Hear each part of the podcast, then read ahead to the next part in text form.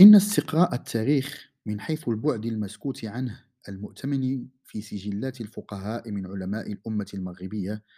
الذين شكلوا مؤسسة مرجعية ذات توثيق معلوماتي محفوظ باعتبار الاختصاص الذي كان عند قادة المالكية بهذه الربوع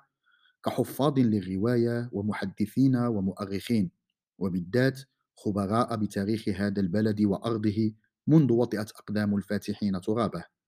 يضع أمامنا معلمة منسجمة مع التشريح الأنثروبولوجي المتكامل من بعد استقصاء خطوط توزيع الجينات السلالية إثنولوجيا وإثنوغرافيا حقائق الإنسية المغربية على الأرض المغربية.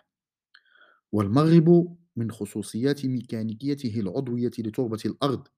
منذ وجد كان وحدة متكاملة في أرضه وترابه في وهاده وآكامه هوائه وأنهاره أوديته وبحاره وسهوبه وصحاريه والتي تحققت بتوثيق عدة مستويات لارتباطه بالدرع الإفريقي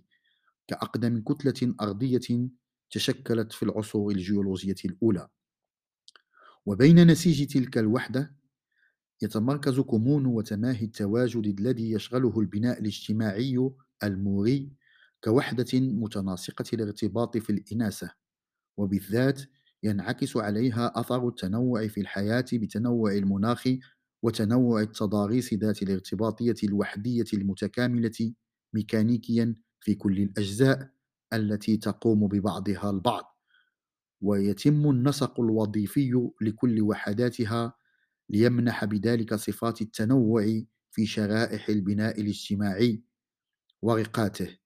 مانحة بذلك كينونته الحية بانبثاقه عبر العصور والأزمنة تستمد الخصائص البشرية في الأبعاد الإيكولوجية لخصائصه الطبيعية في حركة تاريخية. ولذلك سطر المؤرخ الزياني صاحب الترجمانة الكبرى مواصفاته في في مقولته وكان المغرب بذلك كله مواطن للموريين. ومن خلف جبل درن الأطلس لناحية الجنوب فيه عماير صحراوية على أنهار وعيون وبها نخيل وبساتين ومزارع وقصور وقرى لا تعد ولا تحصى في أماكن معلومة غير متصلة بالعمران. إن قراءة متأنية للتوثيق الذي أورده علماء هذا البلد من حجم عبد الرحمن بن زياد أنه قال كانت إفريقية من طرابلس إلى طنجة ظلا واحدا وقرى متصلة وتداولت الرواية بذلك عند فقهائهم حتى لقد ضبطت في كل الأنساق الإطارات المعرفية تاريخا وأدبا فضلا عن الفقه والأنساب. من ذلك ما ذكره الشيخ محمد بن علي شارح القصيدة الشقراطية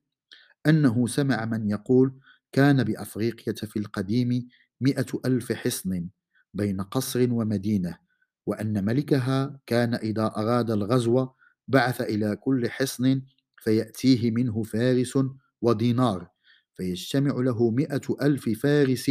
ومثلها دنانير ولا ينقصه من بلاده شيء.